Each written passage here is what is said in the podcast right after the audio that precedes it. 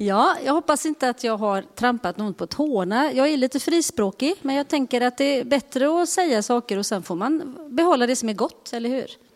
Pröva och behålla det som är gott. Jag är som jag är. Men det, jag skyller det på Gud. Nej, ska jag absolut inte göra.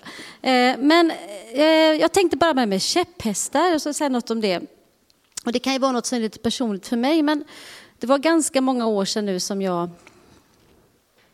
jag hade vissa käpphästar. Ni vet, man tycker att hur saker ska vara. Eller man, i alla sammanhang så tog man upp, ja och så var det det här med ja, också. Ni vet, och så var det alltid lite känsligt det där. Jag tror att många av våra käpphästar kan vara att Gud har talat till oss om någonting, men det kan också vara någonting som har förstelnat i våra liv. En käpphäst är inte mjuk, den är stenhård, eller hur? Och den är bra att slå i huvudet på andra också. Eh, och det här var ingen teologisk fråga, utan hemma hos oss var det en, en annan... Det var nog med att jag hade blivit lite ledsen över något någon gång. Och sen så var det alltid ett argument jag lyfte. Liksom. Och så började Gud tala med om det här, du kanske inte ska ha den där käpphästen i ditt liv. Det vill jag visst ha.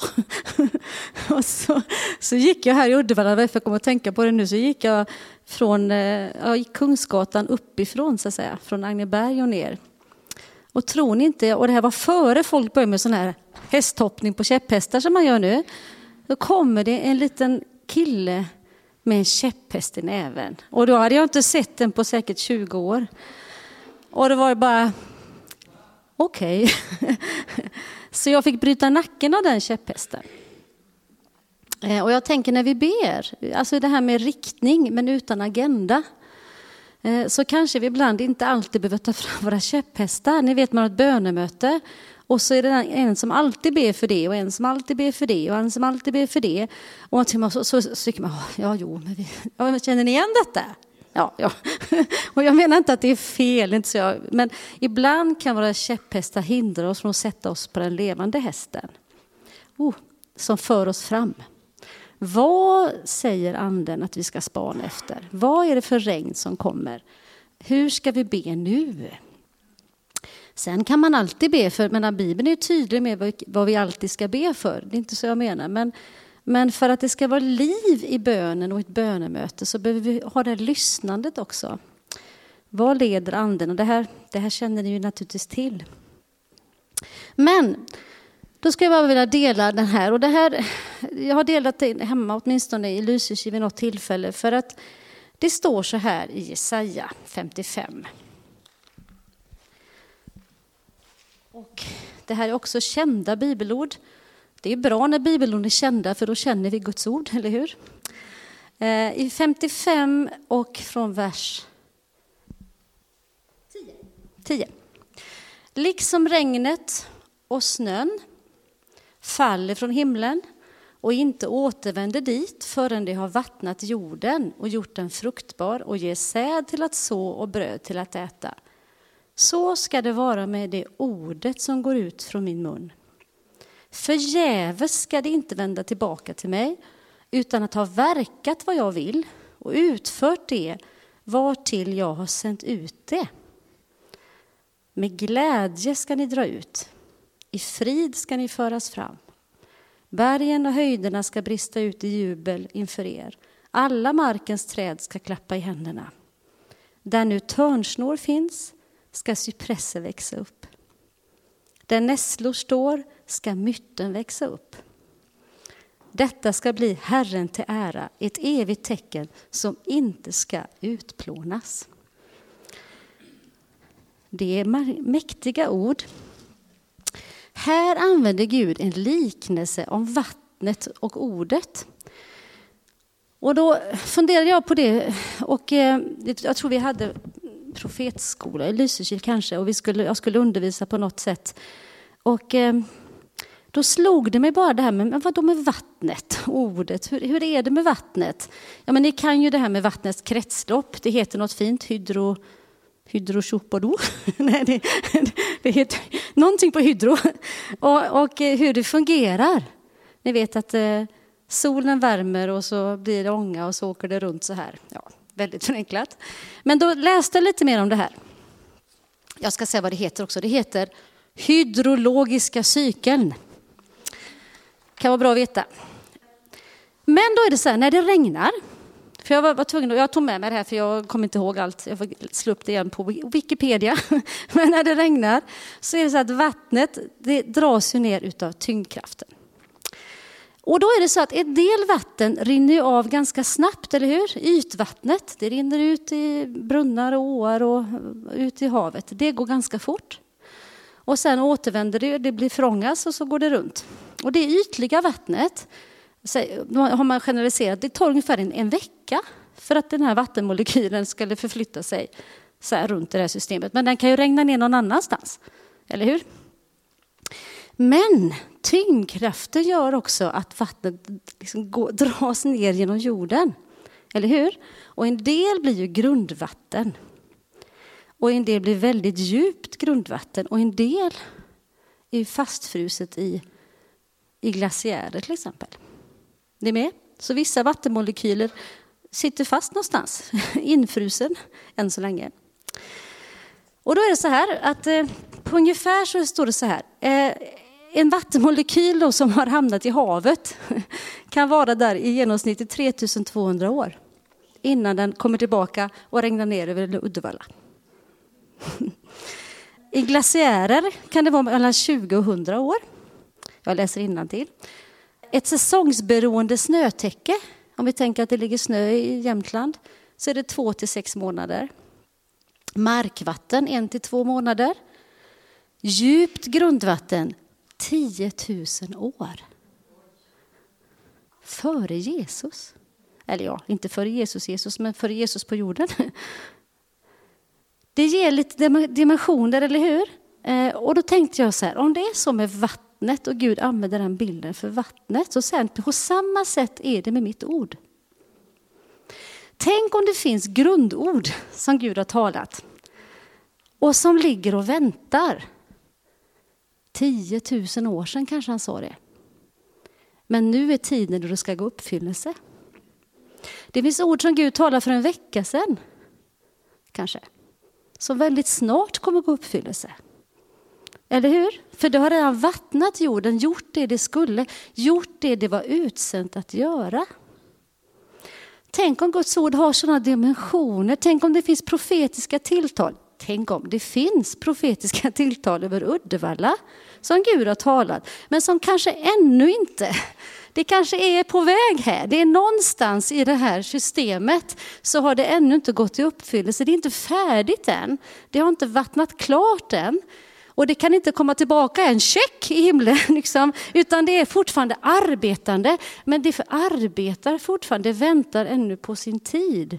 När tiden var inne, ni känner igen det? När tiden var inne, gång på gång, när tiden var inne. Och då tror jag igen, det Elia gör, och utifrån det här ordet och det vi kan göra, det är igen att lyssna efter vad har Gud sagt? Vilka ord blir vi påminda om? Vad talade Gud för en vecka sedan över ditt liv som ska gå uppfyllelse idag? Det är inte säkert vi ens vet det. Kanske bara sker med automatik. Men som bönetjänst så kanske vi får spana efter vad har Gud talat? Vad påminner han om? Som vi kan få vara med och be loss, eller man ska säga. För det konstiga är att Gud bjuder ju in oss i den här processen. Att som bedjare får vi vara med. Vi kan inte, jag tror inte vi kan påskynda. Vet inte, jag tror inte vi kan påskynda. Men vi har någon sorts del i att Guds ord går i uppfyllelse som församling. Att lyssna, att be, att agera på det han säger. Jag vet inte, men det väcker någonting i mig. man kan, kan vi ta 30 sekunder bara? Och fundera. Vad finns det för ord som Gud har talat över ditt liv eller över ditt sammanhang eller över Uddevalla, över Sverige? Som ännu inte har gått i uppfyllelse. Som bara arbetar och väntar på att tiden ska vara inne.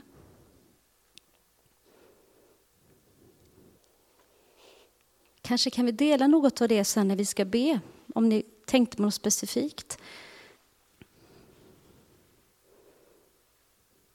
Men precis som Maria behövde vara där för att Jesus skulle kunna födas så behöver Guds folk så att säga vara en, en livmoder för det som Gud ska göra. Och jag tänker att bönen är en del i det. Att känna igen vad han har sagt. Vad påminner han om? Hur kan jag be? Hur kan vi positionera oss utifrån det han har sagt? Hur kan, hur kan jag göra det? Hur kan vi göra det? Hur kan vi tillsammans göra det? Ja. Riktning. Jag har säkert sagt detta redan. Men det finns ju något i, i det här att, att som jag, ja, jag har sagt det redan, men hur jag tänker runt den strategiska bönen. När vi har New Wine-möten och vi har strategisk förbön det har sett lite olika ut, naturligtvis olika år. Eh, vi har haft från åtta på morgonen till tio på kvällen att någon ber dygnet runt nästan då, eller hela tiden. Två och två. Förra året när vi hade sommarmöte igen så var bland annat Marga var med. Per-Arne var med. Jag har glömt att presentera er, det får jag göra sen. Ehm, då hade vi bara vissa tider på dagen när vi bad, för Gud hade gett en så tydlig bild eh, om vad han skulle göra, så att vi, vi, visste att det är redan klart. Vi behöver inte be, utan vi kan, vi kan bara fortsätta att be enligt det han har sagt. Eh, och be enligt Guds ord. Eh, men ehm, men där tänker jag att det som är fokus på när vi samlas i, i all bön, och det gjorde vi här också, är att vi börjar med att upphöja Jesus. Så därför skriver jag tillbedjan uppåt. Och det här Uppenbarelseboken 5 är ju liksom det här där Johannes får, får titta in i den himmelska gudstjänsten och hur, hur tillbedjan pågår inför Guds ansikte. Eh, och där Johannes är förtvivlad för han förstår inte vem som är värdig att öppna bokrullen. Ni vet, historien. Vem, har, liksom, vem kan öppna den? Jo, men det är ju han. Och så visar sig vem han är. Lammet som har blivit slaktat. Lejonet av Juda. Men som är som ett lamm. Så det finns en tillbedjan uppåt, eller hur? Vi upphöjer Jesus, vi lyfter blicken uppåt. Vi har konstaterat när vi tittar runt omkring oss är det lätt att vi tappar modet. Det är lätt att vi, att vi eh, sätter labels på saker och ting. Vi, vi, vi förtydligar, så här är det. Vi ger upp hoppet.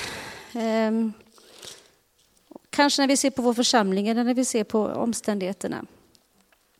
Men så står det bara här, eller bara, det står så här. Och nu är jag i vers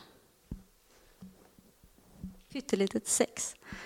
Jag såg mitt för tronen och mitt bland de fyra väsendena, det väsendena och de äldste, ett lamm som såg ut att ha blivit slaktat.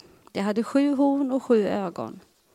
De sju ögonen är Guds sju andar utsända över hela jorden. Och lammet gick fram och tog bokrullen ur högra handen på honom som satt på tronen. Och när det tog bokrullen då föll de fyra väsendena och de fyra, 24 äldste ner inför lammet. De hade var och en sin harpa och skålar av guld fulla av rökelse som är de heligas böner. Och det här är naturligtvis en, en, beskrivning av det som komma skall. Samtidigt som när vi läser Uppenbarelseboken så är det ett ständigt pågående, eller hur?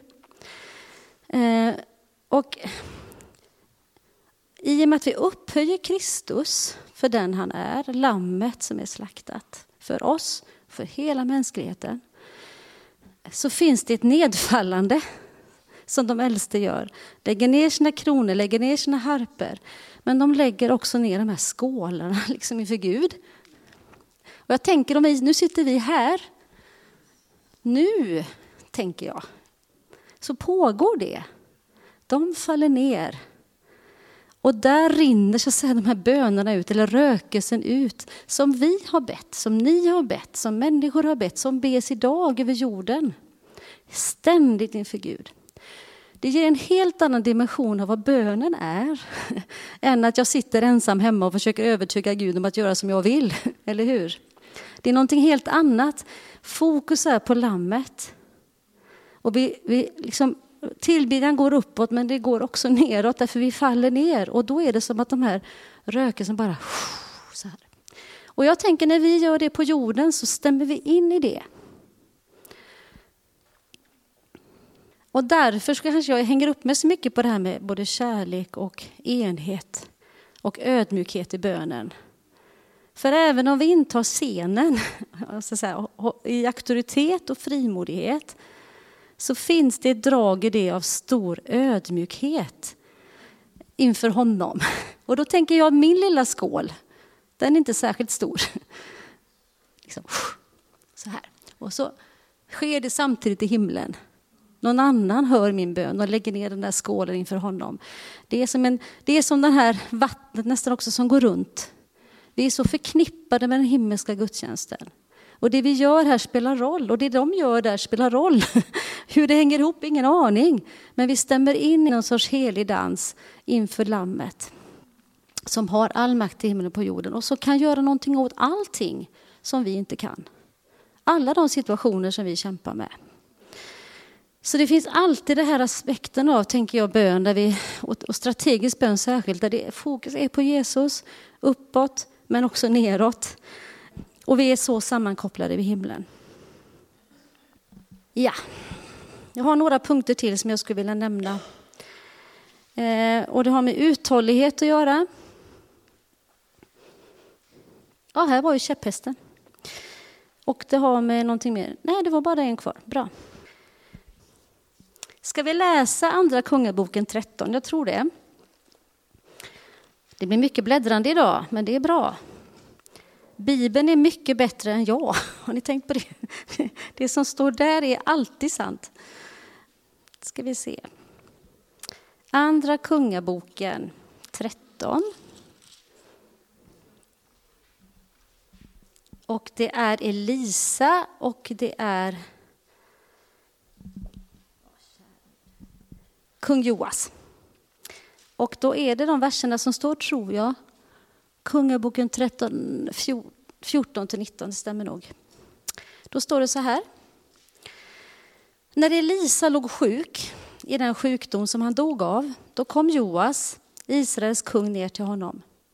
Han satte sig gråtande hos honom och sa, min fader, min fader, du som är för Israel är både vagnar och ryttare. Då sa Elisa till honom, hämta en båge och pilar. Han hämtade en båge och pilar åt honom och han sa till Israels kung, fatta bågen med din hand.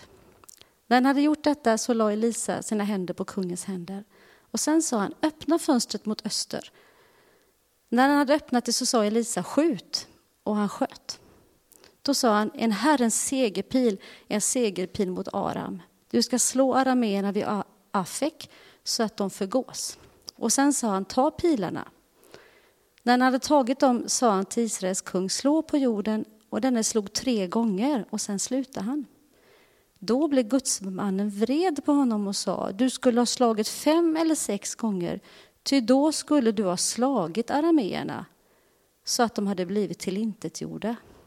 Nu kommer du att slå arameerna bara tre gånger. Jag tror vi stannar där. Det här är ett bibelord som, som vi ofta återvänt till, eh, apropå det här med uthållighet i bön. När ska man sluta? Eh, och eh, jag vet inte, ni, ni, en del pratar man, ibland pratar man om det här med att be igenom saker. Ni vet. Man ber tills Gud säger okej. Okay, liksom. Om vi går tillbaka där vi började i första Mosebok 17, när, när Mose ber för folket Eh, och kampen mot amalekiterna, så säger han ju sen efteråt så här, inskärp hos Josua hur det här gick till. Josua måste förstå att den här kampen där Josua verkligen slet för sitt liv, den avgjordes på berget i bön. Det är det som Josua ska ha med sig sen när han ska leda folket. Inskärp. Här är det samma sak på något sätt. Jag tycker det är lite så här ledsam berättelse för att det är stackars kung, hur skulle han kunna veta att han skulle slå mer gånger? Jag menar, dong, dong, dong. Det är väl inte så lätt att veta. Men det finns någonting i det här, för om seger ska ske, för det är det det handlar om här, att han ska besegra fienden, så gav han upp för tidigt. Och det är en väldigt fin bild, eller fin, det är en allvarlig bild, men det är ju lite svårt i praktiken. Hur ska man kunna veta det? Eh, och det, det kanske man kunde prata om sen, det här, om vi får ett samtal. Hur vet man att saker är färdiga? Därför att vi ser ju inte alltid resultatet. Är ni med? Om Gud kallar dig att be för någon under en period, och sen så känner du att färdigt. Så är det ju inte säkert att situationen har förändrats till synes ännu, eller hur? Men du kan ändå känna ett okej okay att du slipper, eller slipper, du kan kliva av den, den, den uppgiften ett tag. Jag vet inte om ni förstår hur jag tänker, men, men det, kan man hjälpa varandra med det där? Hur många gånger ska vi slå pilarna i marken? Eh, när vi ber för någonting som vi har kommit överens om att be. Eh, hur ser din strategi, strategi ut när du säger att du ska be för någon, som vi ofta kan säga? Jag säger det många gånger i veckan. Hur gör jag? Hur är min strategi? Hur, hur gör jag det utan att jag glömmer bort efter en kvart? Eller att jag inte håller på och ber för länge. Så här, ska, eller känna, det här, eller sagt, känner bördan av att oh, jag borde ha bett mer eller jag borde nog höra av mig, jag borde fortsätta be. Hur kan man hitta ett sätt där man vet att färdigt? liksom. Och jag tror att det är viktigt när vi överlåter oss till bön, vare sig det är för en människa eller en situation, att vi profetiskt vågar hålla ut tills vi känner att den sista pilen är slådd i marken för att det ska bli seger. Och jag tror att det är viktigt igen när vi säger att vi ska be för någon, och det vet ni också, att vi har en strategi. Hur länge gör jag det? Eller kan jag säga till den, säga, men jag kan be imorgon under din operation och två dagar till. Eller jag kan bara be innan din operation. Eller att vara lite tydlig med istället för att säga, ja men jag ska be. Vad menar vi med det? Ärligt talat. Och hur länge gör vi det? Jag tror att ska det leda till seger, om jag säger här, inte bara en omtänksam bön, för den är också otroligt viktig, så tror jag vi måste våga räkna in de här. Liksom. Tills vi känner att yes, nu, nu, nu ligger inte detta ansvaret på mig längre. Nu ligger inte detta ansvaret på oss längre. Nu får någon annan be för det där ordet som ligger där i glaciären och ska liksom verka. Det är det utsänt för att verka. Tills Gud kan liksom bara säga check på den. Liksom. Eh, men uthållighet, och det står i Hebreerbrevet 10 att det krävs uthållighet. Jag kommer aldrig ihåg bibelord längre. Det krävs uthållighet att få... Jag får läsa upp. Kan ni det? Ja. Det står så här. Jag ska citera så att det blir rätt. Jättebra bibelord. Hebreerbrevet 10.35. Kasta därför inte bort er frimodighet som ger stor lön. Ni behöver uthållighet för att göra Guds vilja och få vad han har lovat. Tack för ljuset. Ni behöver uthållighet för Guds vilja och få det han har lovat. Det är ju det minst populära ordet i hela Bibeln, uthållighet. Men det, det, det, finns någonting i det där. Och som jag, vi säger ofta att positionera sig, men har Gud sagt någonting så att stå fast där. Jag ställer mig i den här positionen som jag ska ha. Jag håller fast vid det Gud har sagt så länge han har sagt att jag ska göra det. Och det är ofta lite längre än man har tänkt sig. eller hur? När Gud ger en bild av att han ska göra Uddevalla eller förvandla en situation så får man ju, när man får vision för något så tänker man det händer imorgon. Käre värld, nu får vi öppna dörrarna för imorgon kommer det. Det kan ju ta sju år, eller hur? Eh, men man får liksom hålla den positionen ändå och sträcka sig efter det Gud har sagt. Så länge som vi vet att vi har slått pilarna i marken, så att säga. Att det blir till seger. Därför jag tänker med allt det som Gud har tänkt.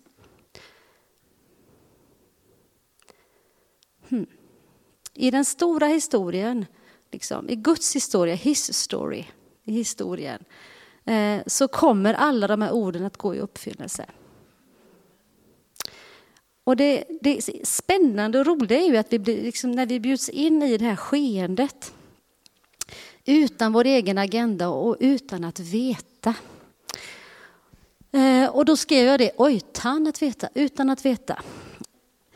Ibland kan man ju vakna med, eller ni vet, man vet, man vaknar om man ska be för någonting. Det känner ni kanske igen. Eh, och dina privata böner är ganska ofta så. Det är någonting man kommer att tänka på eller något man blir påmind om.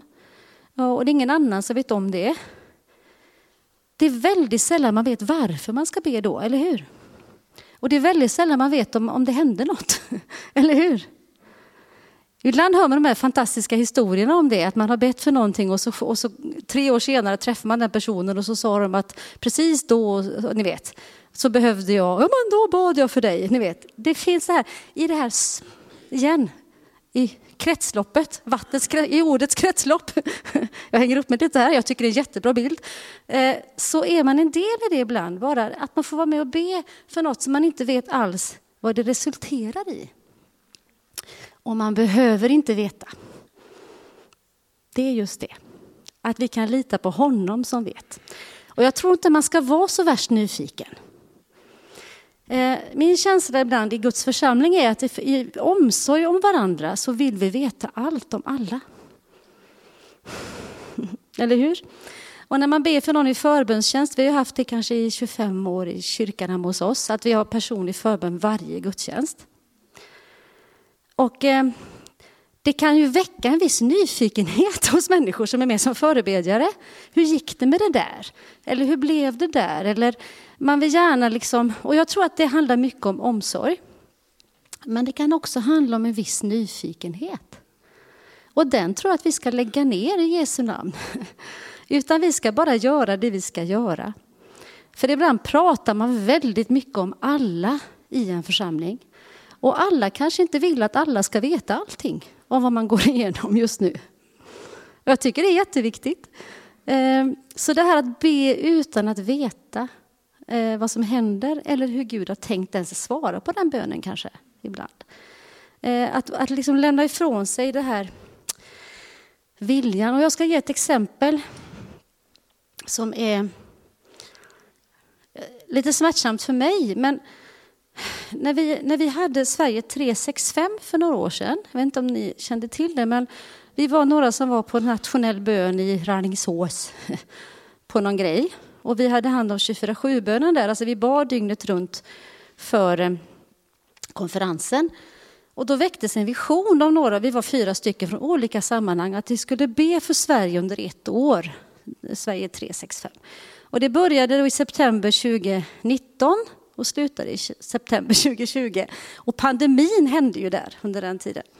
Och då var jag med som en av de fyra, så New Wine gick in som en rörelse som stod bakom detta då.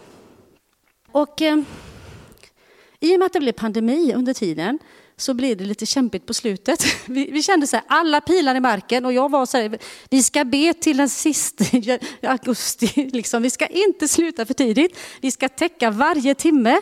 Har Gud sagt det så måste vi, jag kan bli lite rigid då, ni hör. Man kan liksom inte, då kan man inte sova på sin vakt. Liksom. Utan, eller på sin post, utan då måste vi täcka.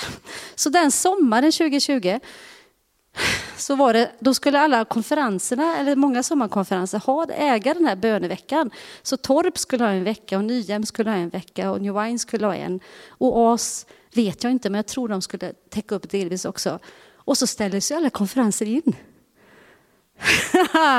Jajamensan! Så vi bad ganska många timmar den sommaren eh, för att täcka upp helt enkelt.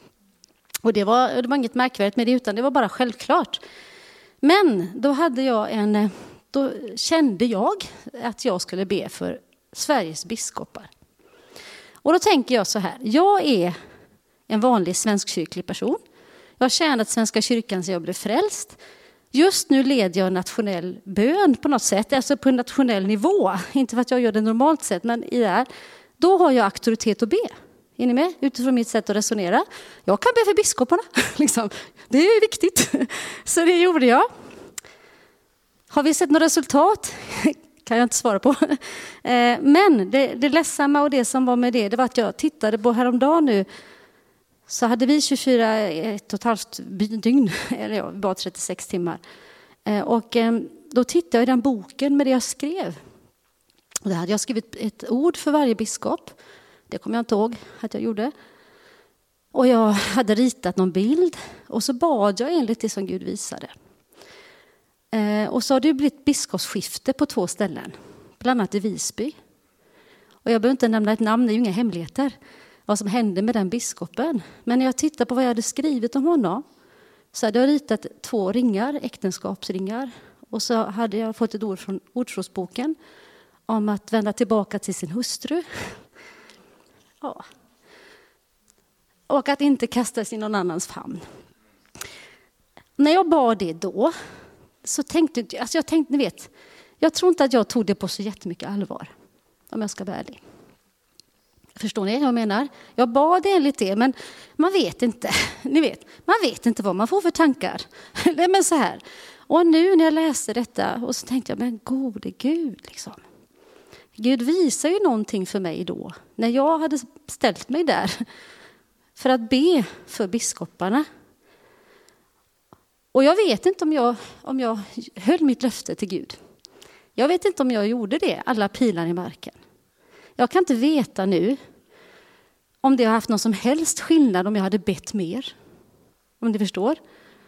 Eller om ni i det här någonstans att det som har uppenbarats på, i Visby och tidigare här, att det kunde ske för att någon har bett. Det är säkert fler som har bett, ni vet. Men vad vi, vad vi säger med detta är inte som, som det, jag, jag, kan känna att jag, det, det tog mig ganska rejält när jag insåg att Gud talar till oss när vi ber. Och det han säger får vi ta på allvar. Utan att känna fördömelse. Men det är en helig Gud vi har att göra med. Och kan, är med mig i tanken, kan en, en liten människa i Svenska kyrkan avgöra en biskops öde på Visby? Kan det vi ber för göra att någon inte syndar? Kan det vi ber för göra att synden avslöjas? Kan det vi ber för ha väldigt stor skillnad i en människas liv och den familjens liv? Och i, ja, ni vet, i ämbetet i den här frågan. Då. Och, eh, så jag tänker att det är allvarligt någonstans mitt uppe i allt. Att det här, vad Gud vill göra det är så viktigt att Guds vilja sker. Det är så viktigt i våra liv och i det sammanhang vi finns. Och den är alltid god, Guds vilja. Alltid god. Alltid, alltid, alltid god, även om saker ibland måste fram i ljuset. Och vi använder väl ibland en bild hemma av en, av en eh, tromb, eller vad heter? Vad är det andra ordet för det? Tack, Tornado. Eh, som, jag har till och med gjort en sån som vi har hängt i bönerummet. Och där i den så är det vitt naturligtvis och vackert. Och lite, ja, den är inte så vacker men den är symbolisk. Men, men i det där så är det också något svart som dras upp. För när Gud kommer med sin kraft eller med sin ande så är det inte bara underbara saker som händer. Utan det, också, det blottlägger också svarta saker i våra liv eller i det sammanhanget vi, vi befinner oss i. Och det är bra. Det är bra, men det är jobbigt. Det är jobbigt. Och just därför tänker jag igen att den här kärleken som vi får vara bärare av för det vi ber för är så väsentligt. För annars så blir vi kritiska och dömande när saker kommer upp i en församling eller i en, i en människas liv. Men vikten av att be så som Gud visar oss. Nu kan man fortsätta be för före detta biskopen i Visby. Han, han lever ännu och han, eh, han behöver naturligtvis hitta en ny väg i sitt liv eh, när han inte kan vara präst längre. Men det finns en andra chans för honom också. Eller hur? Eller hur? Ja. Så att eh, det är inte säkert att alla orden, profetorden i hans liv har tinat än. Eller hur?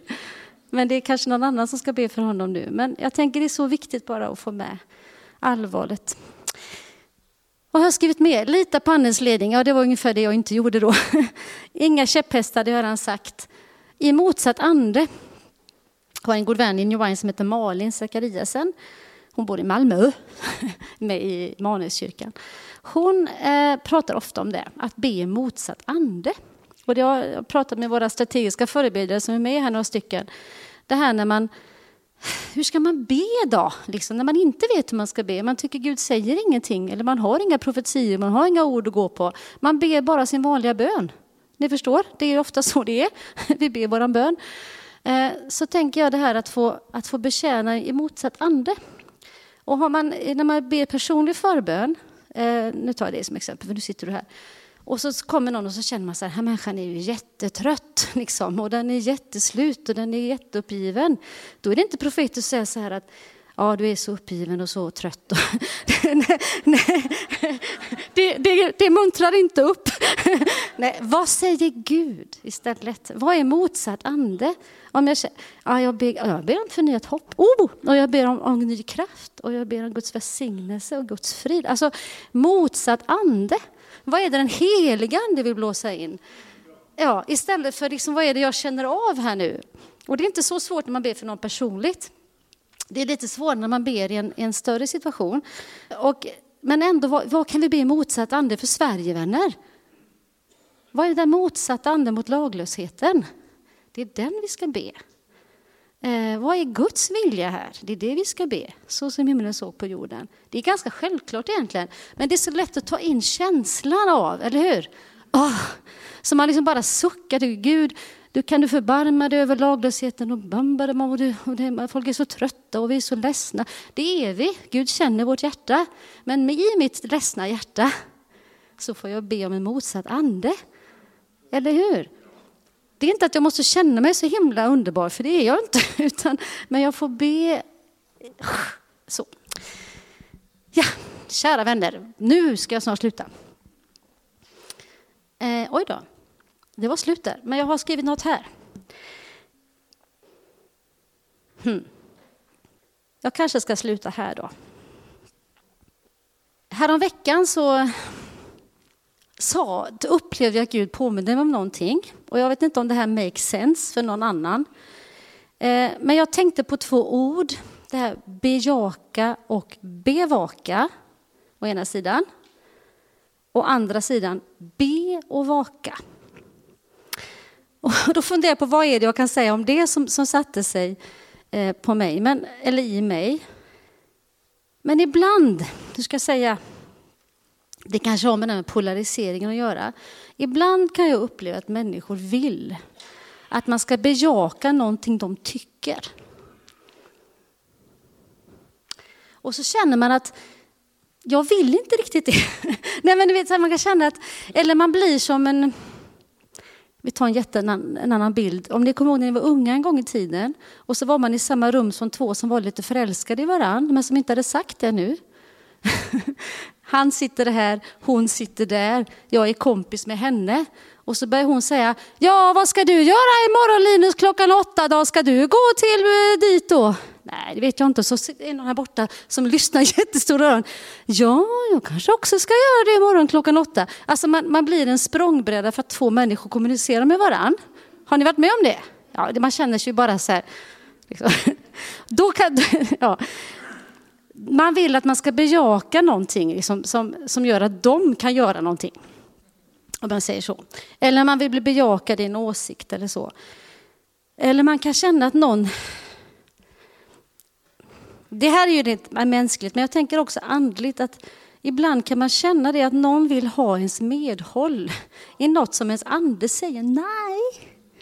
Fast man vet inte riktigt varför man känner det, om ni förstår. Det är som en, då tror jag att det är viktigt att inte bejaka det.